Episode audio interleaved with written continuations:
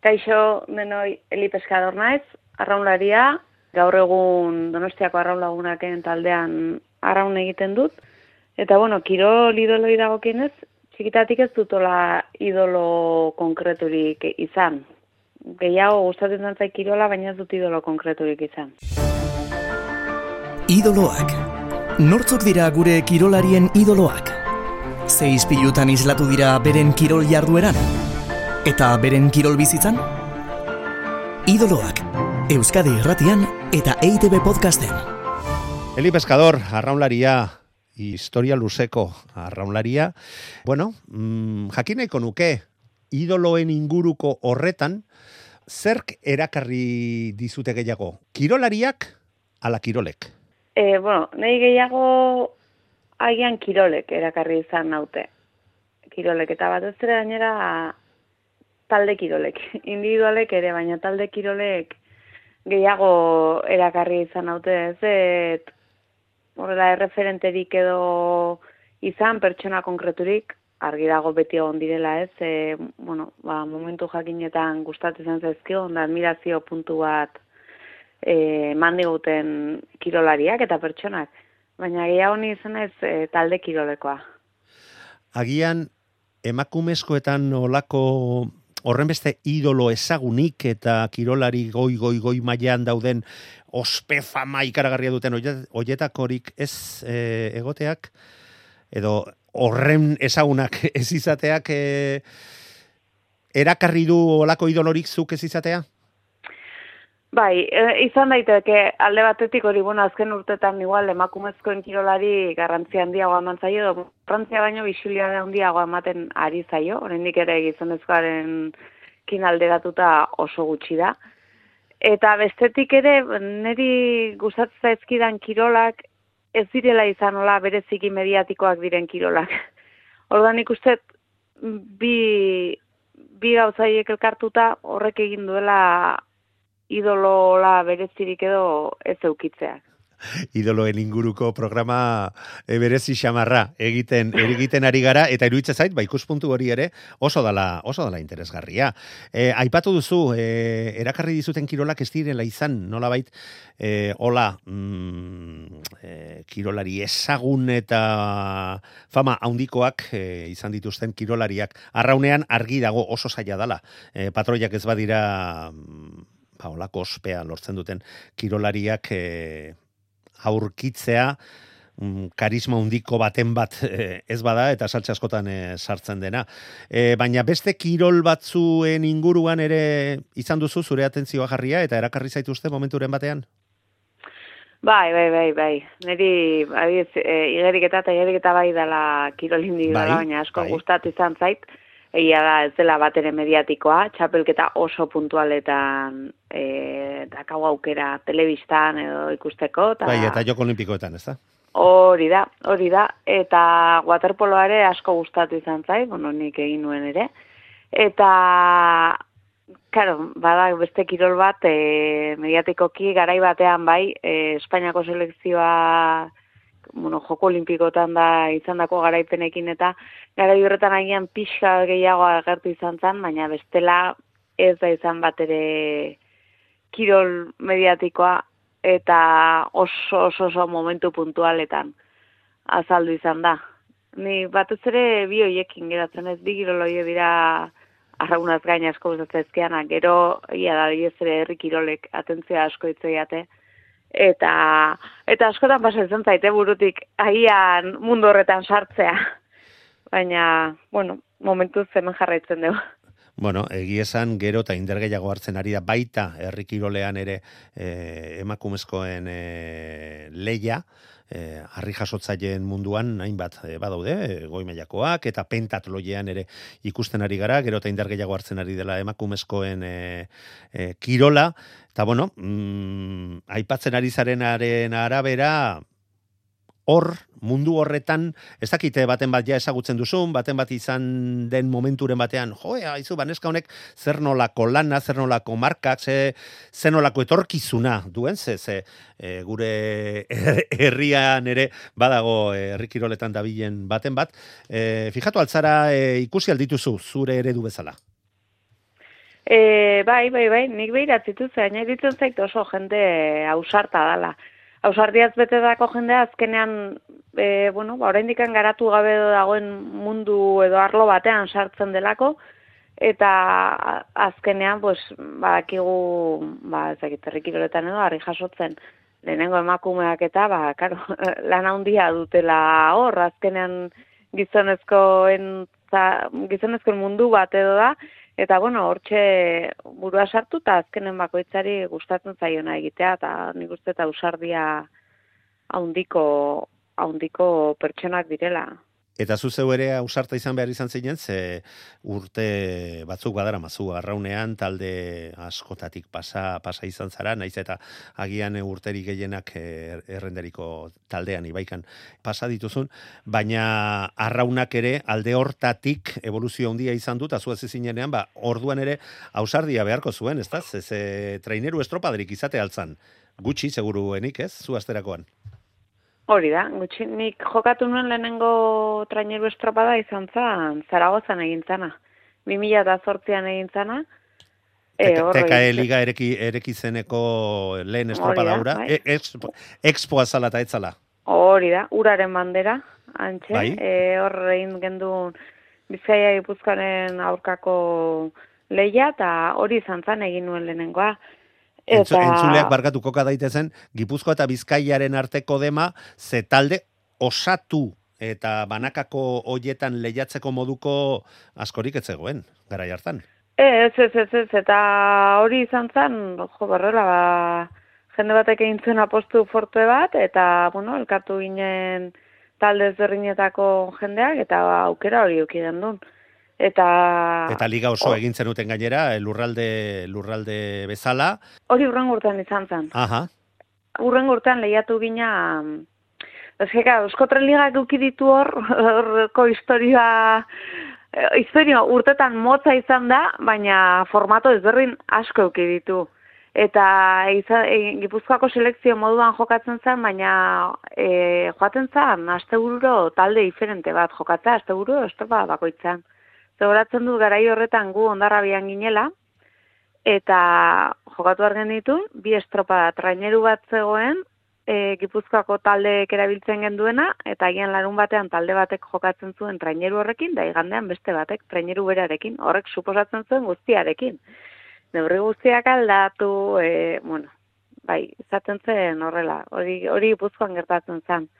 Gero formatu ezberdinak eman zitzaizkio, baina lehenengo urte horretan elkartu ginen talde zerrinetako jendeak estropada hori egiteko. Ta ero bai hortik aurrera talde batzuk e, atera zituztela e, kontxarako eta Euskadiko txapelketarako gipuzkoakorako ez du goratzen, baina atera zituztela Lekeition jokatutako Euskadiko txapelketa famatu horretarako, helburua lehiatzea zala eta Euskadiko txapelketa antolatzea emakumezkoen e, mailan e, lehen pauso eta bultzaka da bezala?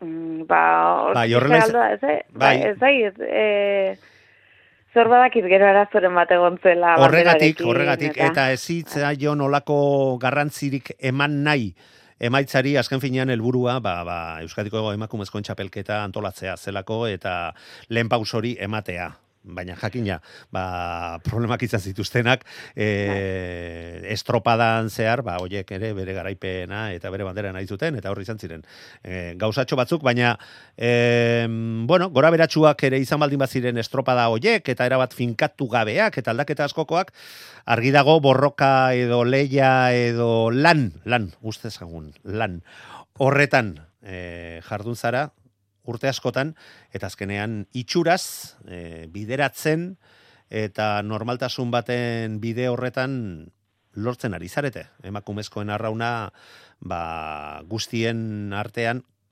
kokakena, kokapena, eta ez dakit ez hitza proposa izan diteken, errespetoa lortzea, agian.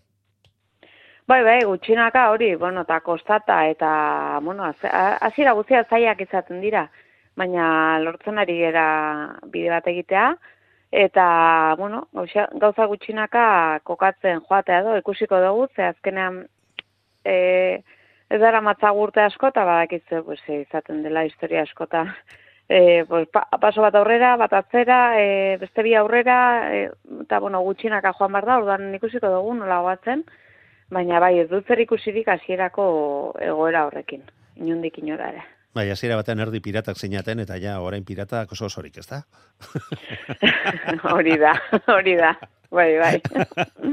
Ez, txantxak, bai. txantxak, txantxak aldera, alde batera utzita, argi dago, e, gizonezkoen arraunak ere, azken urteetan evoluzio ondixamarra izan du, e, garai batean ba, bai, romantizismo e, ikutxu hori ere e, bat zuen, ba, estropada ondoren mangera xar batekin e, donostiko kalea, e, kaleetan e, garbitu barri izatea. Gaur egun batzutan ere gertatzen da, baina ez da horren oizkoa, eta bueno, egoerak eta baldintzak nik uste dut desente aldatu direla zuen kasoan agian oraindik eta eta gehiago, baina mm, gure mm, programa hauek daukaten e, izenari hore eginez. Eta garai hartan e, hasi zinenean eta e, arraunaz maite mintzen hasi zinen horretan izan altzen nun olako idolorik ikuste zenuen eta zatro jo ba nik nahiko nuke honen mailera iristea eta hau bezalako arraunlaria izatea edo historia edo kur, ez dakit, bai, kurrikuluna lortzea? Bueno, eh, Hori, pertsona bezala agian ez, e, talde bezala. Agi ez hor e, urte batzu izan zen Galiziako taldea oso fuerte gontzana. Rian Xeira! Bai, famatu haiek. Bai, bai, bai, bai, naskatu ginen, eh, entzuten olinaz beinen. Hoi da, bai, lehenengo, kontxako lehenengo busturteak aientzako izan ziran. Bai, bai. E, getaria tolosako ontzi azkarrura ere. Bai. Eta, bueno, azkenen ez, e, jo, balburu helburu edo nahi hori. E, azkenean ontzi horrelako ontzi azkar bateko eta bueno, ontzi azkar eta karisma bateko parte izatea. Hori bai izaten den, bueno, hori bai izan zen nire naia. Gara hartako baten batek oraindik ere jarraitzen du arraunean, ez da, eta Euskal Herri inguruan. Bai, bai, bai, bai. Eta esan diteke, agian orduan oiek zirela, izan direla, zure idoloen antzekoenak Izan daiteke, bai, bai. Bai, bai. Bai, bai, eh, no, normala, normala iruditzen zait, baina zuek zu hemengo eran lortu duzu baita ere handienen artean kokatzea.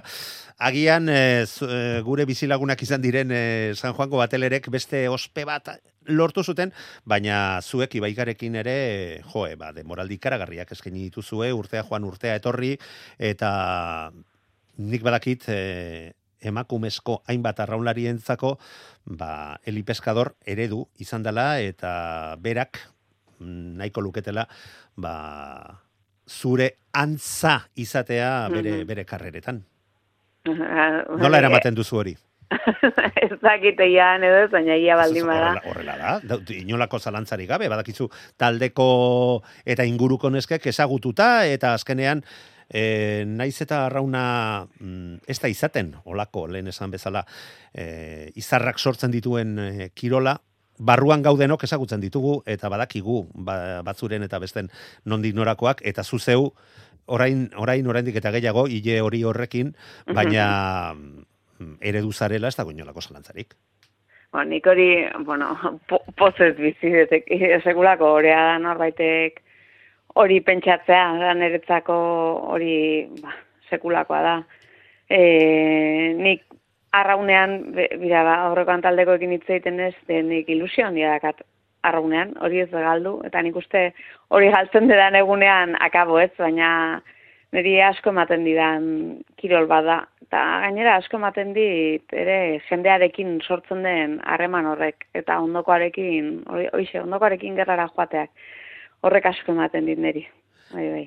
Eta bestalde, emakumezko bezala, e, egiten ari zareten bidea eta lortzen ari zareten e, sendotasuna eta guztiekiko emakumezko entzako errespetoa. Bai, bai, noski bai. Gukitzartean gure lekua badugu, baina nik uste badugu, baina hori presente egin behar dugu. Eta askotan nik uste ez, bada, e, nahi dugun horretan borroka egin behar dugula, ez digula inorrek esan behar eiteko gai garen edo ez, eta eta lanean jarraitu behar dugula horretan. Bakoitzak nahi dugunarekin sinisten ditugun helburuengan eta eta hortan inork aurkakorik esan gabe. Eta hor zabiltzala goi maia, maiarik gorenean zabiltzan e, honetan berriro ere. E, zer falta zaio? Emakumezkoen arraunari, zerbait falta baldin bat zaio, e, maiarik gorenera edo erabateko sendotasun batera iristeko? Ba, ezakit, ezakit, galera zaila da hori. Bai. Zer, oso zaila, bai. Baina e... historia, agian e, gizonezkoek e, historia asko zabalagoa dute, e, historia horrek zer ekartzen du, ba, izan diren gora bera, e, arrakasta eta akats e, asko egoteak horrek e, sendotu egiten du. E, kirola eta bagian e, hori falta zaizu bezuei? Ez dakite, bai, kanpot, bueno, kanpotik ikusita. Hori, Eta e, ni oraindik batzutan, bueno, batzutan ez, askotan harritu egiten naiz. Eta pentsatu net ez jakintasunagatik edo izango la baina e, jende asko kausardiazko, bueno, baieztapen asko egiten ditu. Eta baieztapen horien artean beti esakari dira, ba ez duen entrenatzen duzuena, ezakitzer, distantziarekin sartzen dira, gauza batekin, bestearekin, benetan guk egiten dugun sakrifizio talegina ezagutu gabe ezagutu gabe eta nahi horrek amorro handia ematen dit. E, bueno, izaten direlako hori ba, benetan pentsatzen de dela ez jakintasunetik datozen baieztapenak. E, Gombidatuko nuke horrelakoak esaten dituena gurekin e, ba, demoraldi bat pasatzea. Eta ikusiko luke ea hortan ados dagoen edo ez. Bueno, aprobetsatuta eta arrauna maite dutenek, edo, bueno, jakin mina bate batei sortu baldin badiogu, ba, elitzake hori ere txarra izango.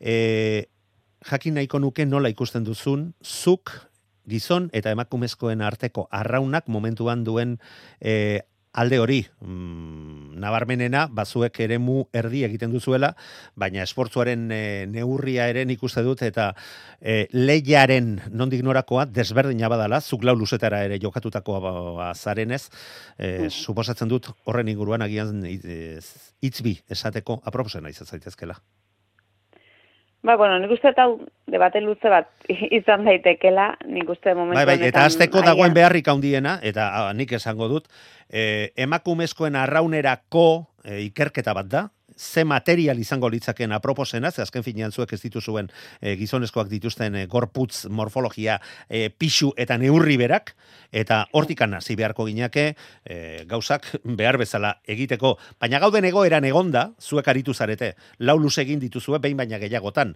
E, lehiaketan nik dut galdu egingo lukeela, eta agian kontrakoa pentsatu beharko genukela, ze ikusgarritasun handia du, biluzetara eginiko estropada horrek eta momentu batzuetan ba izan diteke interesgarria frogaren bat ere egin dute Castron eginiko estropadaren batean bai. eta e, baina bueno ez dakit ni nik aipatutako honen inguruan e, zer gehiago gehitu dezakezun Bueno, ni guste momentuz e, dagoen moduan bi luzetako distantziari distantzia gokia dela.